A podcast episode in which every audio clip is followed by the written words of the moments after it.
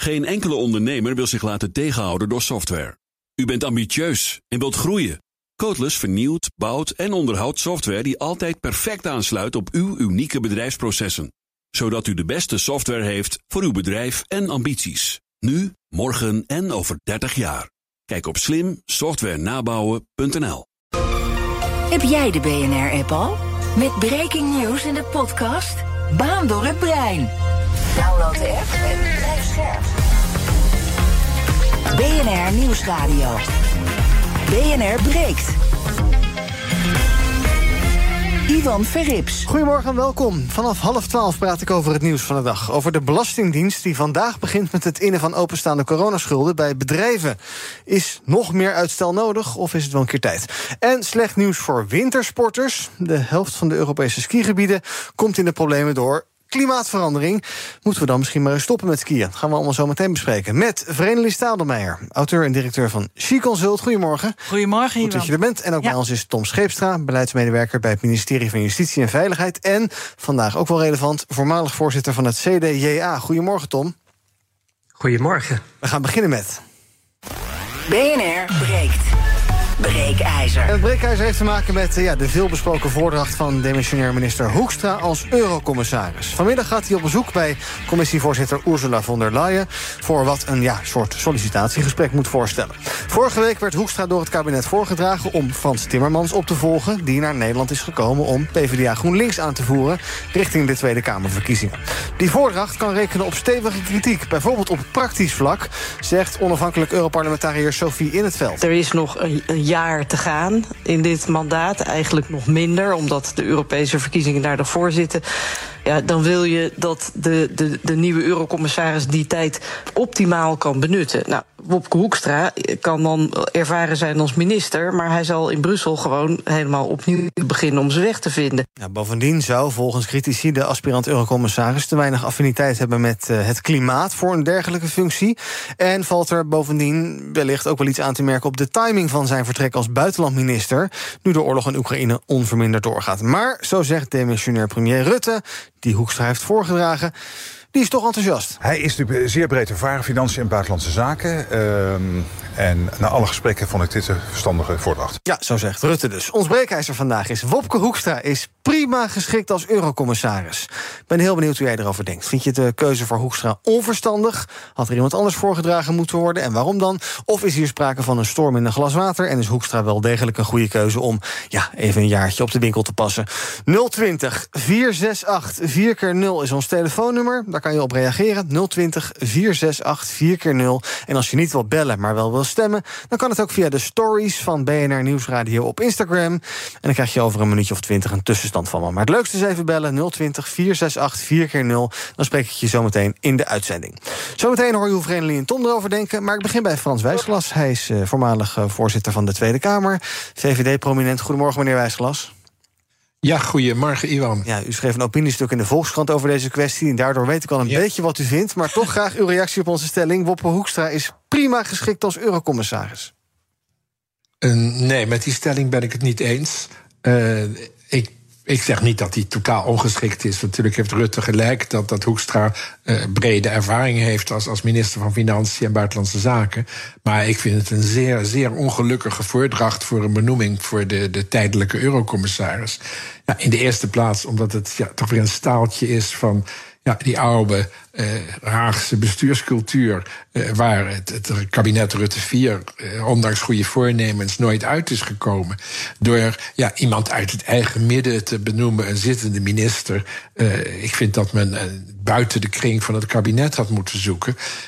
en extra reden daarvoor is uh, dat uh, het ongelukkig is om in het demissionaire kabinet nu te gaan plukken en, en, en ministers daaruit te halen. Ja. Uh, het demissionaire kabinet heeft als taak, echt formele taak, ook, ook op verzoek van het staatshoofd, de koning, zo gaat dat, om alles te doen in het belang van het land, totdat er een nieuw kabinet is in Nederland.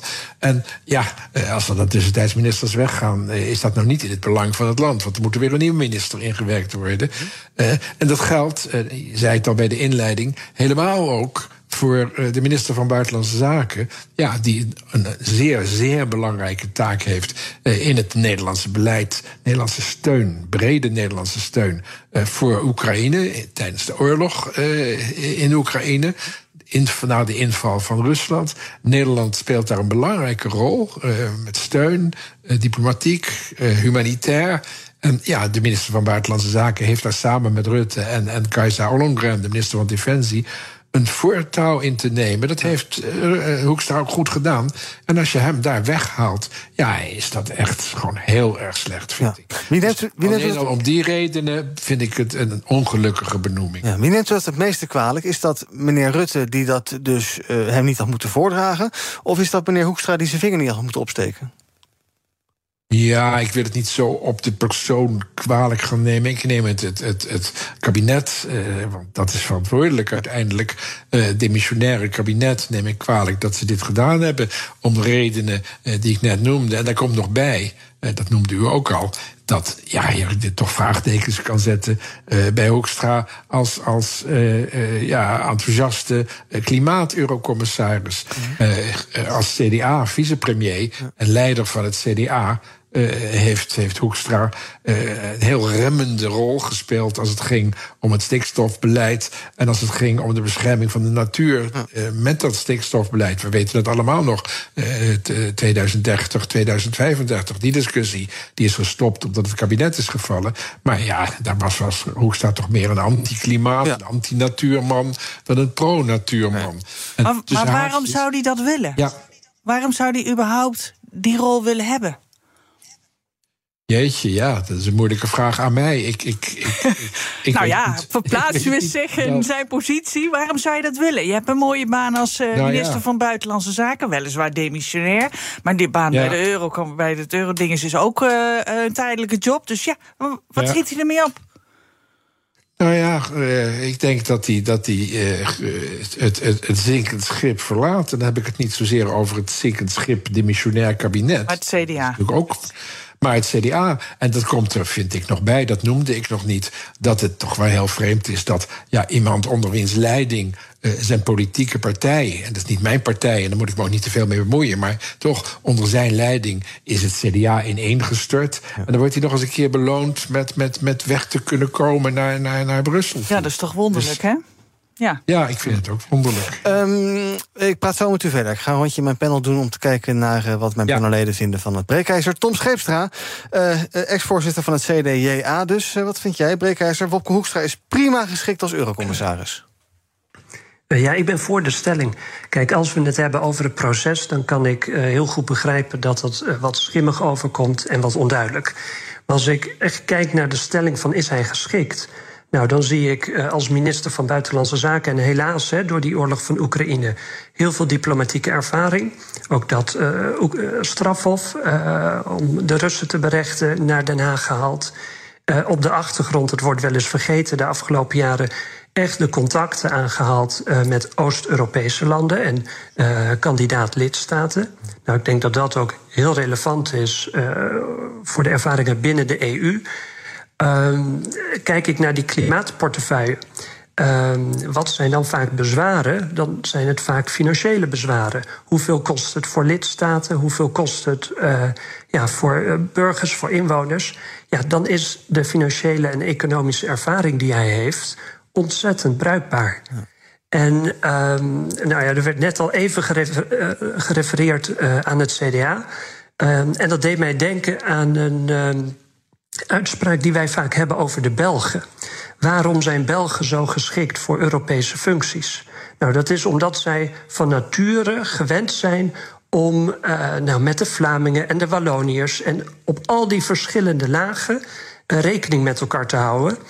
Uh, en dat zit eigenlijk in die ja, Belgische politieke aard. -huh. Nou ja, in feite heeft Hoekstra die ervaring ook binnen het CDA de afgelopen jaren. Uh, waar we allerlei verschillende geluiden hadden. Uh, op politiek vlak, uh, progressief, conservatief, links, rechts, jong, oud, noem allemaal maar op. Uh, waar hij heeft ja, moeten schipperen tussen al die belangen en al die meningen. Ja. Niet met succes, toch? En is hij dus eigenlijk een beetje Belg geworden. ja. En denk ik heel goed ja, voor Brussel. Ja, maar niet echt met succes, toch, bij het CDA? Nou ja, kijk, um, uh, op dit moment in de peiling niet. Uh, maar twee jaar geleden, de, bij de vorige verkiezingen, toen waren de eerste peilingen voor het CDA nog plus 20 zetels. En toen was iedereen in de partij van, nou, we, we gaan opeens weer ja, een, een opleving krijgen. Dus ik, ja, ik vind dat ook relatief. Ja. Friendly, ik heb al uh, wat van je gehoord. Ik heb, ik heb het idee dat je het Jij ziet mijn gezicht ook. oneens bent met de stelling. dat je er geen fan van bent. Ja, nou ja, los van dat, hè, dat, dat zeiden we net ook al voor de uitzending even tegen elkaar, dat het wat ongemakkelijk is om over een persoon te praten. Ja. En dat dan helemaal zo, zo scherp te doen. Hm? Dat is wat ongemakkelijk. Uh, uh, heb ik wel een aantal dingen op te merken. Eén is, die procedure is natuurlijk uitermate schimmig. Mm-hmm. Hoe, hoe kan dit nou? Hoe, wie heeft dit verzonnen? Wie gaat daarover? Mm-hmm. Hoe, hoe gaat die benoeming? Hoe transparant is dat Hoe allemaal? transparant ja? is dat? Dat is natuurlijk heel raar. Uh, daarnaast weten we natuurlijk van Hoekstra... dat hij niet echt een groot klimaathart heeft. Uh, hoezo gaat hij dan ineens op klimaat? Dat vind ik dan al, al raar. Uh, en dan kan je zeggen, ja, maar he, veel van die klimaatbeslissingen zijn financieel gedreven. Ja. En hij is natuurlijk echt bij uitstek een financiële man. Nou, dat maakt me dan helemaal zorgen. Want dan kan je altijd de bal spelen van, ja, er is geen geld voor. Nee, het kan niet. Hup, hup, hup. We gaan die klimaatmaatregelen niet nemen, want dat kunnen we niet betalen. Terwijl je daar juist een minister zou willen hebben die financieel financieel goed gedreven is en die gaat kijken wat kan er wel. Ja. Wat is er wel mogelijk? En uh, ja, dat, dat, dat zie ik hem eerlijk gezegd niet, nee. uh, niet doen. Nee. Twee uh, zaken nog voordat we naar de bellers gaan. Ehm, allereerst, meneer Wijsglas, het is nog helemaal niet zeker toch dat hij die klimaatportefeuille krijgt. Het kan nog heel iets anders worden. Dus ja, ook, we hoorden net mevrouw In het Veld even, die zegt ook van ik zie daar toch liever geen christendemocraat. Die sociaaldemocraten willen dat liever niet. Maar dat is eigenlijk een beetje voorbarig, toch? Nou ja, de voordracht van Nederland is met de bedoeling dat hij de klimaatportefeuille ja. gaat doen. Gaat mevrouw von der Leyen over? Ja, en, en daar, ja, uiteindelijk gaat mevrouw von der Leyen erover. Maar er is natuurlijk voor overleg geweest met mevrouw von der Leyen. En het zou best kunnen dat zij als christendemocraat een wat meer gematigde uh, klimaatpoliticus uh, op die post wil hebben. Dat zou er best achter kunnen zitten. Maar het is niet zeker. Uh, want uh, het Europees Parlement uh, heeft het laatste woord hier. Ik zie het Europees Parlement niet de, de voordracht helemaal blokkeren. Dat gebeurt bijna nooit. Maar het zou me niet verbazen als er een zeer, grote, zeer groot aantal Europarlementariërs is, fracties is, dat tegen de klimaatportefeuille Hoekstra is. Dus dat is absoluut nog geen gelopen race. En als ik heel kort mag zeggen, ja. ik bewonder uh, Tom Scheepstra om zijn redenering over het CDA. Ik ga er maar niet verder op in, maar ik heb wel een glimlach op mijn gezicht. Ja. En uh, wat hij zei, wat Tom zei over Oost-Europa uh, en over Oekraïne. de goede dingen die Hoekstra daar gedaan heeft, dat klopt. Maar juist daarom, nou, het klopt niet helemaal. Maar daarom, je moet hij, maar dat heb ik al gezegd, moet hij blijven zitten. Ja. In, als minister van Buitenlandse Zaken. En dat klopt niet helemaal, omdat het natuurlijk nog een argument is waarom je je wenkbrauwen kunt optrekken bij de benoeming van, van de heer Hoekstra. En dat is dat hij in de coronacrisis grote, grote weerstand heeft opgewekt bij juist de Oost-Europese landen ja. binnen de Oost-Europese Unie. Omdat hij zo enorm aan de rem trok toen het ging om het oprichten van het corona-herstel. Ja, bij die landen, de, de Oost, ik vergis me, de Zuid-Europa, ik vergis me, ja. de Zuid-Europese landen. En uh, ja, dus die landen, de Zuid-Europese landen, die uh, zijn ook kritisch. En die zijn dat niet vergeten natuurlijk. En hun Europarlementariërs ook niet. Nee. Dus het wordt nog een ingewikkelde, uh, het worden ingewikkelde weken voor ja. Hoekstra in, in België. Heel kort over het proces nog. Uit, u hebt ook de quote gehoord ongetwijfeld van premier Rutte over Hoekstra. Daar krijg je toch wel heel erg de indruk uit dat het een beslissing is geweest van uh, Rutte en Rutte alleen. Dat hij gesprekken gevoerd heeft en dat hij bedacht heeft... Wopke Hoekstra gaat het doen. Hoe belangrijk is, en er zijn ook kamervragen gesteld... door meerdere Kamerleden die zeggen... goh, is er eigenlijk een profielschets? Is er zoiets als een procedure? Is die gedeeld met de Kamer? Ja. Bent u het eens met die kritiek dat het een heel ondoorzichtig proces is? Het, vraagt u aan mij? Ja. Ja, ja het, is, uh, het is zeker ondoorzichtig. Aan de andere kant ben ik voorzichtig met mijn kritiek daar, omdat ik, ja, ik was er niet bij. Ik weet niet hoe het gegaan is. Het is heel goed dat dat omzicht en, en een aantal andere Kamerleden uh, uh, daar Kamervragen over, over hebben gesteld. En dat moet opheldering geven. Rutte zal het niet alleen gedaan hebben. Hij heeft geconsulteerd. Ik denk ook met, met, met de verschillende politieke partijen binnen de, de coalitie. Duidelijk niet met de oppositiepartijen. dat had hij, vind ik, wel moeten doen. omdat het, zeker omdat het kabinet demissionair is. En de benoeming van een eurocommissaris gaat heel Nederland aan. Niet alleen de coalitie. Dus ook daar zijn, zijn de nodige vraagtekens te zetten. En hopelijk geven de antwoorden op de Kamervragen daar wat meer duidelijk. En eh, waarom zou Rutte Wopke uit zijn kabinet willen hebben?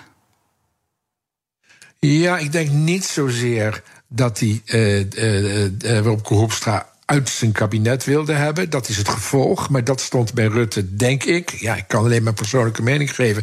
Niet voorop. Er zal uh, meer voorop hebben gestaan dat hij uh, anderen uh, de portefeuille, de, de, de, functie, de baan in Brussel niet gunde. En dan denk ik aan, aan een, een, vrouwelijk, een vrouwelijke minister die veel met financiën te maken heeft. Ja, ik denk mevrouw Kaag. Die heeft ook ja? wel in de Telegraaf laten doorschijnen dat zij ook wow. wel interesse had gehad. Althans, haar partij wel. Dat zij ook allerlei uh, nou, potentiële uh, kandidaten daarvoor zag in haar partij, maar dat ze daar toch niet uh, heel tevreden over is. We gaan even naar onze bellers 020 468 4 0 Tom, ik kom zo meteen bij jou weer hoor. Ons breekijzer Wopke Hoekstra is prima geschikt als eurocommissaris. 020 468 4 0 Nu bellen kom je in de komende 10 minuten nog in de uitzending. Jeroen, goedemorgen. Hoi, goedemorgen, Ivan. Zeg het, het klinkt heel ver weg. Hallo? Ja, is het zo beter? Ja, stukken beter, zeg maar. Oké, okay. nou, ik hoop dat uh, ja, uh, dat jullie supermooie programma bij BNR uh, gewoon door kan gaan in een andere vorm. Ja, dat, dat is. Oké, ja. ja okay. Maar ehm, ik ben het eens uh, met de stelling. Ik denk dat hij heel geschikt is. En vergeet niet dat de Christendemocraten de grootste partij zijn in Europa. Mhm. Mm -hmm. maar dat is niet mijn vraag aan de panelleden. Uh, mijn vraag is: kunnen jullie in een notendop uitleggen hoe nou, ja, je hebt het Europarlement, Eurocommissarissen. Uh, ja, hoe dat in elkaar zit qua organisatie. Zo, heb je even een paar dagen? Dat is nog wel een heel verhaal met de Europese Raad er nog bij. Dus in een notendop. Ja, nou, ik, uh, ik, ga, ik ga kijken of het eraan toe komt. Dankjewel, Jeroen, voor het bellen. Uh, Fred, goedemorgen.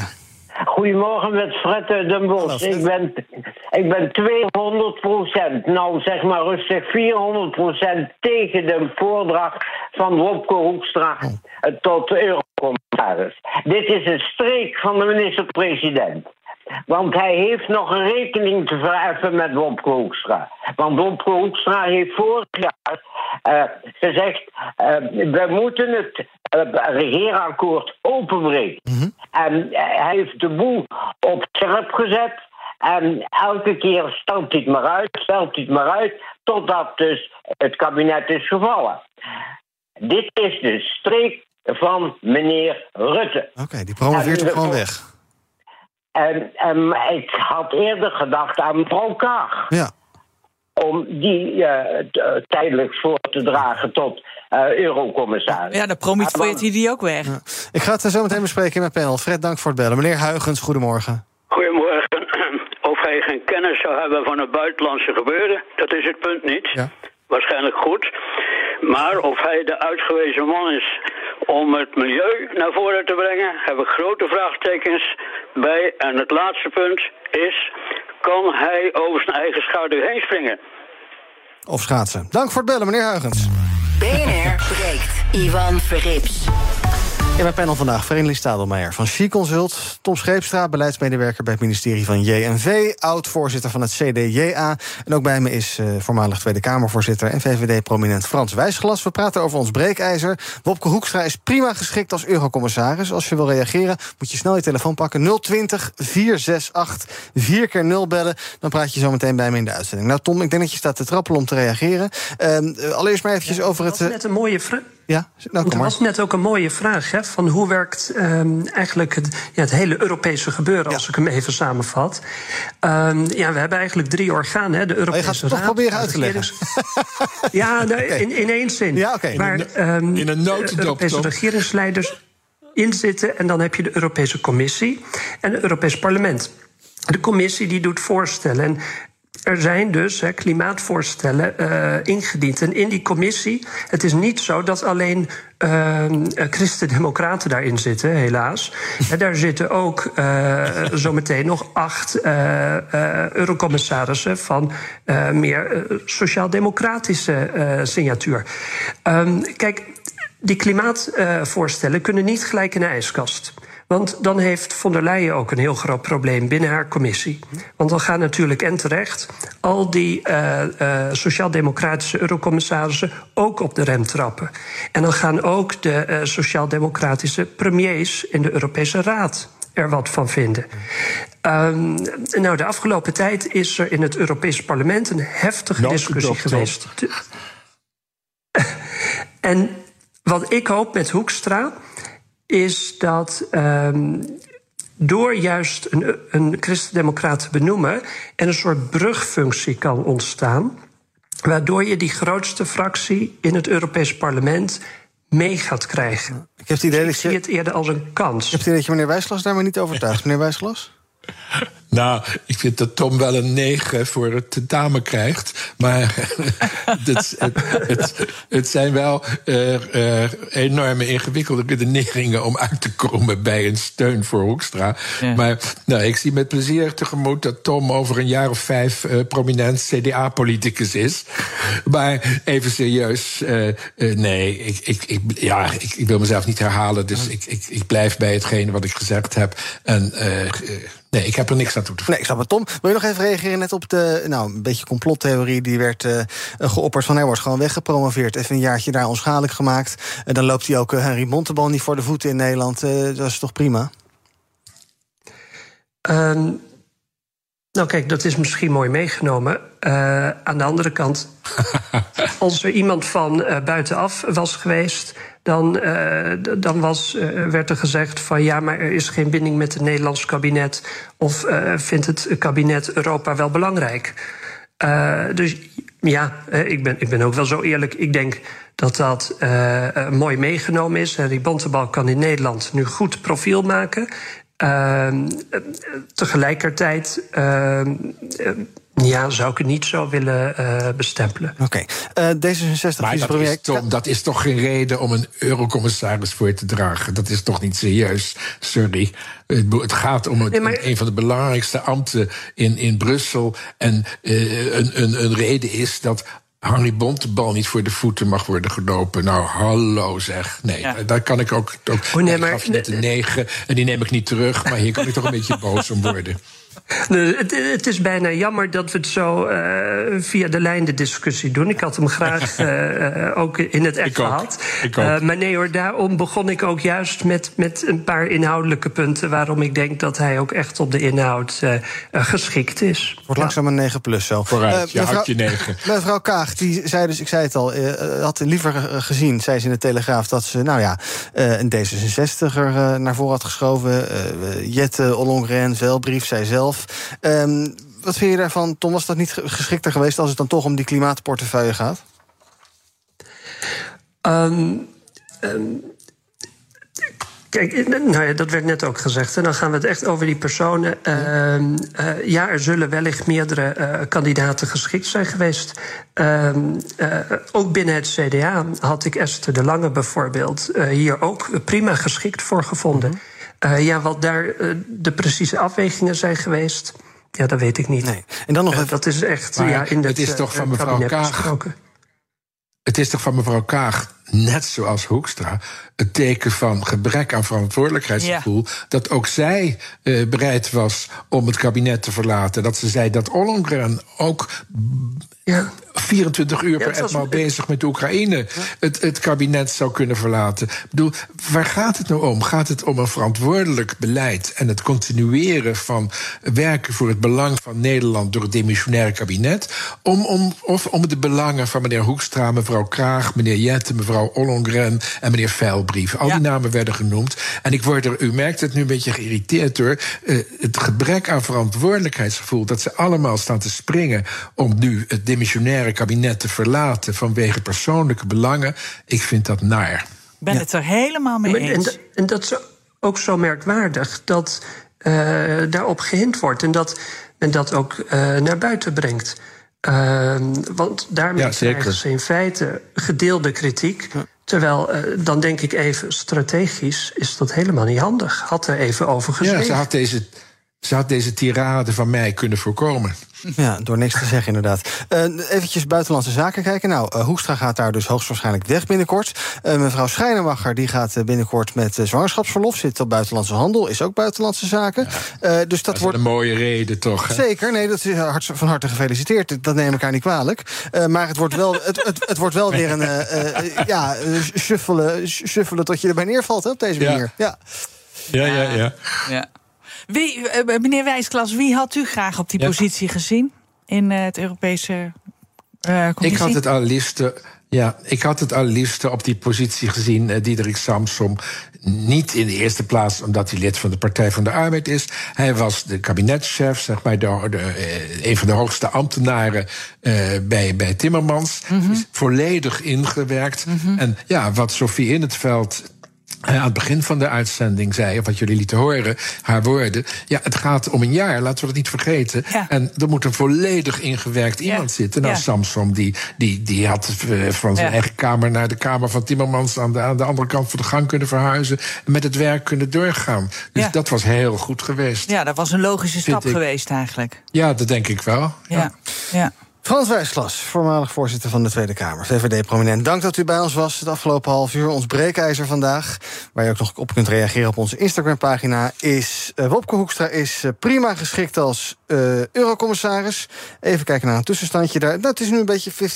Iets minder mensen eens dan oneens. Maar daar kan je nog de hele dag reageren op BNR Nieuwsradio op Instagram. Zometeen dan ga ik verder praten met Vreemdeling en Tom over al het andere nieuws van de dag. Over ondernemers die hun coronaschulden nog niet hebben afgelost. Die kunnen een deze dagen een uh, blauwe brief op de mat verwachten. En... Hallo, wil jij meer liefde in jouw leven ervaren?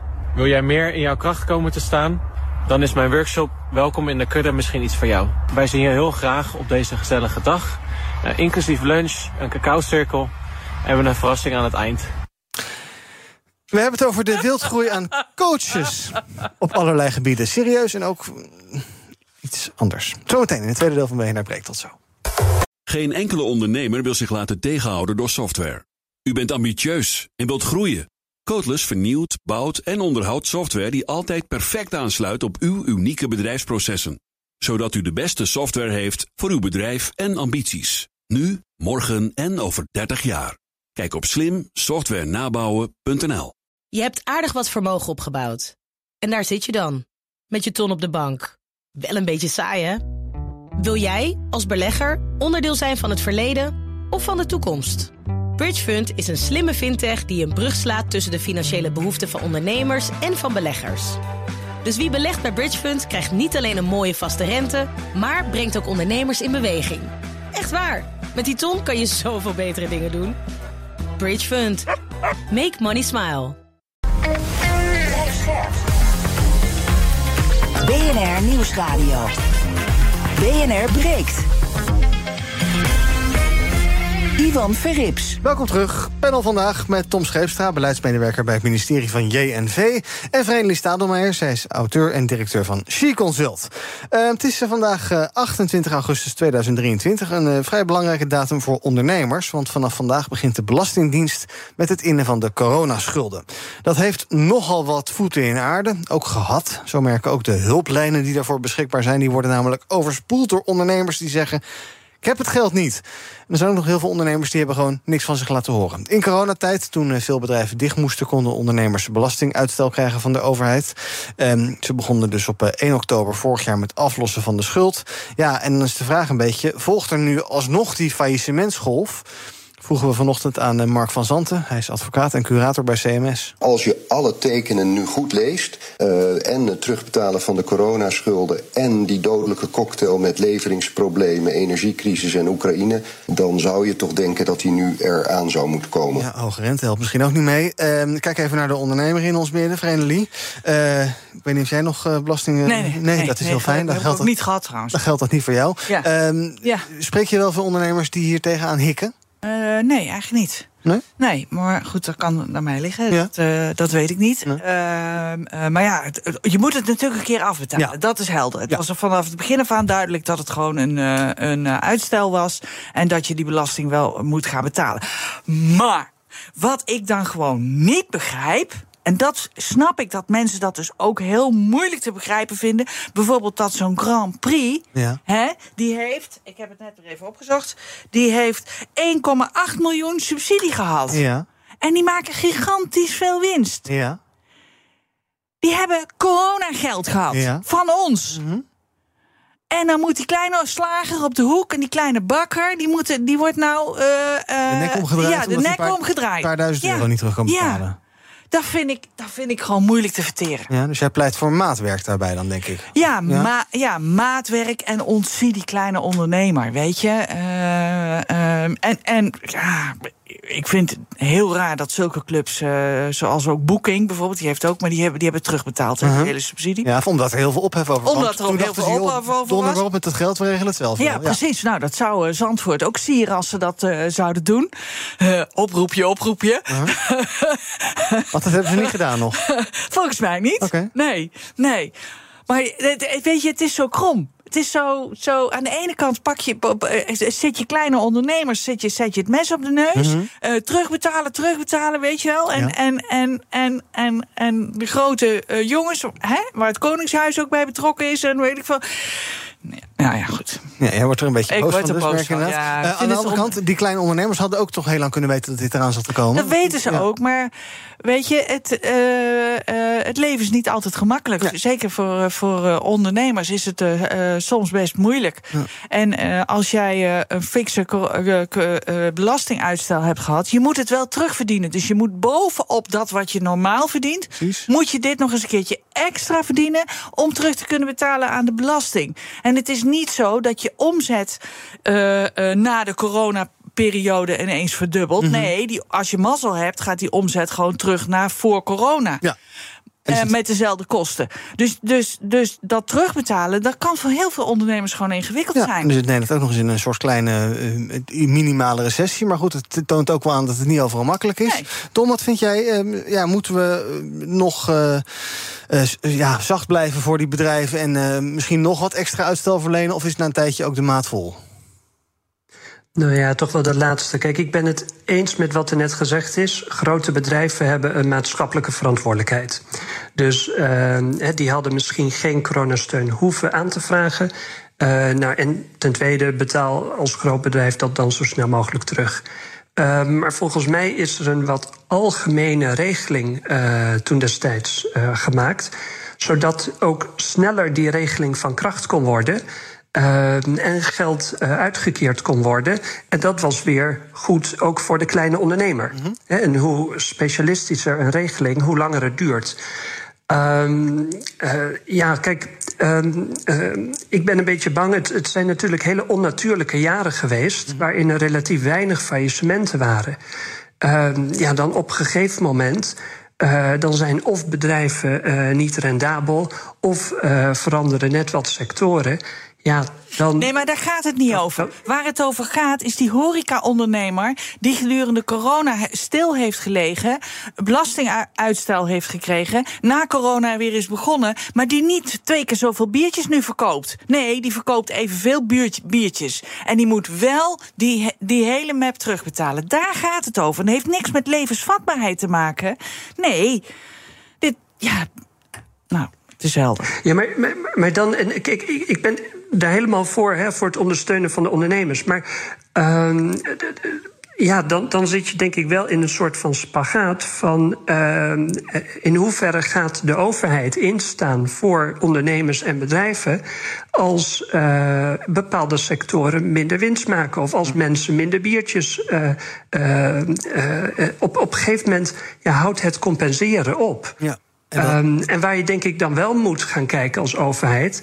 Uh, zorg ervoor dat uh, mensen niet persoonlijk geraakt worden. Dus er zijn heel veel banen. En zorg dan voor omscholing of begeleid dan de ondernemers. Want die mogen persoonlijk daar niet te dupe van worden. In een tijd dat we ja, heel veel vacatures hebben. He, dat zou raar en krom zijn. Ja, maar weet je, als je het als ondernemer niet trekt en je gaat failliet, dat is heel erg dat is niet zomaar je baan verliezen, maar dat, dat, dat is echt een paar graden erger. Dat raakt je ook persoonlijk. Dat altijd. raakt je ook persoonlijk. Vaak zitten ondernemers er met hun hele hebben hun huis houden in, inclusief hypotheken op huizen en enzovoorts. Dat heeft echt een mega, mega impact en dat is niet te vergelijken met een ontslag. Echt waar. Um, nee, maar, maar, maar, dan is de vraag: hè, tot hoe lang uh, ja, moet of kan de overheid daar garant voor staan? Ja. Um, en dan denk ik van op een gegeven moment, um, uh, ja, houdt dat op. Ja, uh, maar goed, daar, daar verschillen dan. Ja, maar goed, je, het houdt een keer op. Maar je zou kunnen zeggen: het is nu dat ze het in twee jaar moeten terugbetalen. Je zou kunnen zeggen: we verspreiden het over tien jaar. Weet je, dan is het al veel gemakkelijker om het, uh, om het terug te betalen dan in twee jaar. Dat is echt, dat is echt moeilijk. Ja. Oké, okay, um, laten we maar eens even gaan kijken over trouwens over zaken. Geen enkele ondernemer wil zich laten tegenhouden door software. U bent ambitieus en wilt groeien. Codeless vernieuwt, bouwt en onderhoudt software die altijd perfect aansluit op uw unieke bedrijfsprocessen. Zodat u de beste software heeft voor uw bedrijf en ambities. Nu, morgen en over 30 jaar. Kijk op slimsoftwarenabouwen.nl. Je hebt aardig wat vermogen opgebouwd. En daar zit je dan, met je ton op de bank. Wel een beetje saai, hè? Wil jij, als belegger, onderdeel zijn van het verleden of van de toekomst? Bridgefund is een slimme fintech die een brug slaat tussen de financiële behoeften van ondernemers en van beleggers. Dus wie belegt bij Bridgefund krijgt niet alleen een mooie vaste rente, maar brengt ook ondernemers in beweging. Echt waar, met die ton kan je zoveel betere dingen doen. Bridgefund. Make money smile. Van Kenny. Ik nog even voorbereiden. dus uh, doei. Wel leuk, hè? Dat kan je niet bedenken zo, dat nee, het zo werkt. Maar het werkt echt wel nee. zo. Ja, want ja. jij wist het ook niet, of wel? Nee, ja, hoe moet ik dat nou weten? Ja, weet ik. Misschien dat je... Nee, je spreekt elkaar ook nooit nee. meer, merk ik al. goed. Nou, laten we nog maar eens eventjes... Uh, Maarten, okay, ja, ik heb nog heel veel vragen, maar ja, dat komt zo meteen. Ja, dat doen we zo even. Ja, nee, of nu. Nee, zo nee. Oké, okay, uh, laten we maar gewoon even kijken naar wat jullie zelf is opgevallen in het nieuws. Dat lijkt me beter. En laten we uh, Tom even praten, dat lijkt me het beste. Tom, jij wil praten over de... je krijgt er warm van, hè, ik, ik denk vooral... nee, laat maar.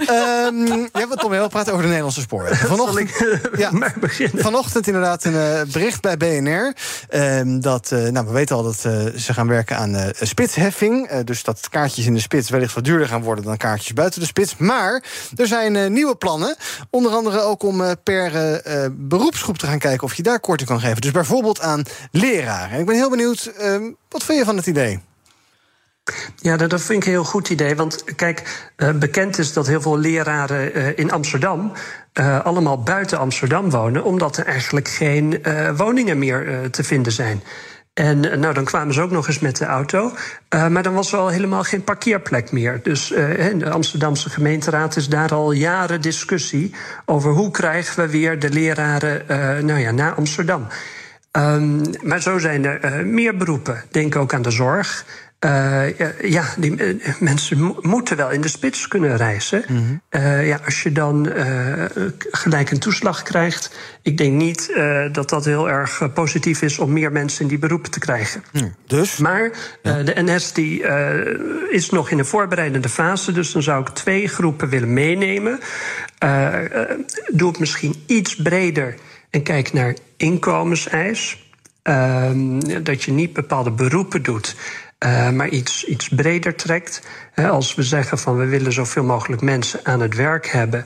Uh, maar wat zij net extra verdienen, moeten ze gelijk weer aan de NS uh, eh, als toeslag uh, terugbetalen. Nou, ik denk niet dat dat wenselijk is mm-hmm. voor de arbeidsmarkt. En kijk naar jongeren of scholieren. Ehm, want als we zeggen zoveel mogelijk mensen moeten met het openbaar vervoer begin dan jong, zodat dat uh, ja, een soort van automatisme wordt. En jongeren zo lang mogelijk die auto uh, laten staan. Ja, maar je moet dan dus wel. Dat zou de, Je moet dan wel ongeveer econoom worden, wil je dat kunnen snappen. Want dan krijg je dus een basiskaartje. Daar komt dan iets bij in de spits. Gaat iets af buiten de spits. Dan moeten we nog even kijken naar je inkomen, naar je beroep, naar je leeftijd. En dan komt er daar uiteindelijk een bedrag uit. Zou het niet makkelijk zijn om die, om die kaartjes gewoon hetzelfde te houden? Nou ja, uh, en lekker ben ik daar wel voorstander van. Ja. Dus uh, Dus laten we het inderdaad uh, heel ingewikkeld gaan maken. En dan uh, onderaan de streep zeggen we, nou, we houden het zo. Ja, dat is misschien wel het beste. Ik geloof in België dat journalisten gratis met de trein mogen. Is dat zo? Ja, ik weet oh. niet zo goed waarom, maar Oh, mag dat wel. heb ik nooit gehoord. Nee, nee, ik zocht het vanochtend toevallig even ja. op. Het, het, ik wist het ergens in mijn achterhoofd en het blijkt inderdaad nog steeds zo te zijn. Nou, leuk voor die journalisten. Ja, maar dat is ook een essentiële beroepsgroep, hè? Zeker. Dus, uh, ja. ja, nee, heel goed. Maar leraren ook, maar die staan er maar niet binnen bij in, in België. Inderdaad, mensen in de zorg en dergelijke. Zou je denken, nou, kan wel meer mensen bedenken die het misschien zelfs nog wel wat meer nodig hebben. Oké. Okay, uh... ja, dat komt dus omdat we denken, die leraren die wonen allemaal dicht uh, in de buurt van zo'n school. Maar ja, de, uh, dan hebben we weer het probleem van de woningmarkt. Ehm, dat is inmiddels niet altijd meer zo. Nee. Ehm, dus ja, de, ja, heeft de situatie het ingehaald. Dan, um, Friendly, we gaan het hebben over coaches. Ik had ja. net al een beetje een grappig fragmentje. Uh, wat blijkt, uh, we hebben meer dan 100.000 coaches in ja. ons land. En dat is in een aantal jaren fors toegenomen. Ja. Ook schrijft het Algemeen Dagblad. 2,5 keer zo hoog als 10 jaar geleden. En vooral lifestyle coaches die blijken hard nodig. Want dat aantal is in 10 jaar tijd verdertienvoudigd. uh, jij wilde het hier ook over hebben, want ik maakte er een beetje een grapje van. Um, je hebt ook allemaal hele zweverige types die coach zijn, maar je hebt ook hele serieuze coaches. Ja. Uh, ja. Vertel, wat, wat, wat, wat sprak jou aan in het nieuws? Ja, nou ja, en weet je, uh, She Consult is natuurlijk een bedrijf wat, uh, wat hoogopgeleide vrouwen traint en coacht. Uh, en wij komen natuurlijk ook collega's tegen die voor een tarief van 30 euro per uur coachen. en dan geen opleiding hebben gedaan. En omdat ze zelf een burn-out gehad hebben, denken van nou dan kan ik iedereen met een burn-out ook prima begeleiden. Kijk, coaching is geen uh, uh, geregistreerd beroep. Mm -hmm. uh, iedereen mag zich coach noemen. Dus ook al heb je nog nooit ergens over nagedacht, dan mag je nog steeds gewoon coach noemen. En dat ja. is heel gevaarlijk. Zeker als je het hebt over mensen met stressklachten of burn-out klachten, heb je serieuze problemen. Uh, uh, daar moet je geholpen worden door iemand die daar gewoon verstand van heeft. Die daarin is opgeleid, die daar ervaring in heeft, die zijn vak bijhoudt. Met andere woorden, iemand die dus lid is van de beroepsgroep. Ja. Dat lijkt me belangrijk. Uh -huh. uh, en daar, daar kun je dus tegen de consument zeggen van daar moet je je op, daar moet je op selecteren. Dat, dat die coach lid is van die beroepsgroep. en datzelfde geldt, weet je, we hebben het er vaker over gehad. Hè? Vrouwen zijn anders dan mannen. Dat geldt eigenlijk dus ook voor vrouwen. Mhm. Want je kunt niet zeggen, ik kan vrouwen coachen omdat ik een vrouw ben. Nee. Nee, dat slaat nergens op. Nee. Uh, je, je, je, je, als je vrouwen wil coachen, moet je daar echt een gedegen opleiding en gedegen uh, uh, ook wetenschappelijke kennis van hebben. Waarin vrouwen verschillen van mannen ten aanzien van het werk, hoe dat op de werkvloer zit. En wij, wat wij doen is wij, onze coaches, hè, we hebben 22 vestigingen in Nederland, onze coaches trainen we daarop. Die certificeren we daarop. En we hebben nu bedacht van nou, weet je, we zien zo ontzettend veel vrouwen die ook vrouwen coachen onder het mom van ja, ik ben ook vrouw en ik heb ook een, uh, een managementfunctie gehad waar ik ben uh, weggegaan. Dus ja. ik weet precies hoe Goed het werk, zit. Ja. Dat is niet zo en dat is gevaarlijk. Ja. Dus wij, wij, wij denken erover om een, een opleiding te maken voor vrouwencoaches. Oké, okay. en zou, zou je die certificering zou je die verplicht willen stellen? Eigenlijk, nou ja, weet je, dat is dan ook weer zo moeilijk. Maar ik, ik, ik zou wel zoiets willen hebben van als je als vrouw naar een coach gaat, moet je weten dat het gewoon een goede coach is die Ja. weet waar het over gaat. Ja. Die, die, die ja, weet je, heel veel van die coaches zijn ook heel zweverig. Dan gaat het over je authentieke zelf. En vrouwen empoweren. En dat gaat alsmaar over naar binnen In hun kijken. kracht zetten. In een kracht zetten, ja. Terwijl wat je vrouwen moet leren zijn gewoon de skills van hoe. Eh, opereer ik in een van origine masculine omgeving? Hoe doe ik dat? Gewoon Het- praktisch. gewoon praktisch, gewoon skills. He- En, en dat is ook wat wij voor grote organisaties doen. He, daar hebben wij trainingen waarbij we het leren in een groep combineren, ook met individuele coaching. Waarin we vrouwen ook die skills leren. Gewoon praktisch. Hoe doe je dat nou? Hey, nog eventjes, Friendly. Jij had ook nog een persoonlijke oproep, geloof ik. Ja, ik had heel goed dat je me daaraan herinnert. Want als ik eenmaal aan het praten ga, dan eh, weet je, dan. eh, je kent me langer dan vandaag. Oh ja, joh? Nooit Ja. gemerkt. Ja, nou, ehm, eh, eh, we, we groeien hard. Eh, we hebben het druk. Ja, She Consult is ja, dat, ja. She Consult. En eh, ehm, ik heb eigenlijk behoefte aan uh, iemand die mij komt versterken. Uh, en die in de vorm van een, een management buy-in of zoiets dergelijks uh, naast mij komt staan. En uiteindelijk ook het, het roer over gaat nemen van mij. Dus ik zoek een opvolger, ja. Ja. En dan moet dat hier zo publiek via de radio. Heb je niet allemaal hele goede We hebben heel veel gesprekken gevoerd. Heel veel uh, vrouwen die wel willen, uh, maar die uh, het ondernemerschap missen. dan zeg je, ik weet niet hoe ik het geld moet komen. Ja, als je dat niet weet, hoor je ook niet bij Cyclezult thuis. -huh, okay. Weet je, we zijn toch echt wel van de power. Ja, en, beetje ballen? Ja, ja, precies. Okay. Ehm, ook grote partijen, daar hebben we veel mee gesproken... die het wel interessant vinden, maar...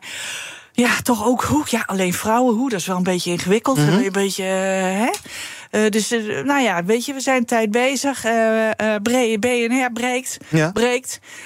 ik dacht, nou, weet je, ik breek ook. Hartstikke idee. Ja, en we gooien hem erin. In de laatste week op zoek dus naar een opvolger. En waar moet zo iemand aan voldoen? Ja, je, je, noemt het al een beetje net, maar even een korte profielschets. Nou ja, echt een ondernemer. Ja. Moet gewoon een ondernemer zijn die kansen ziet, die durft.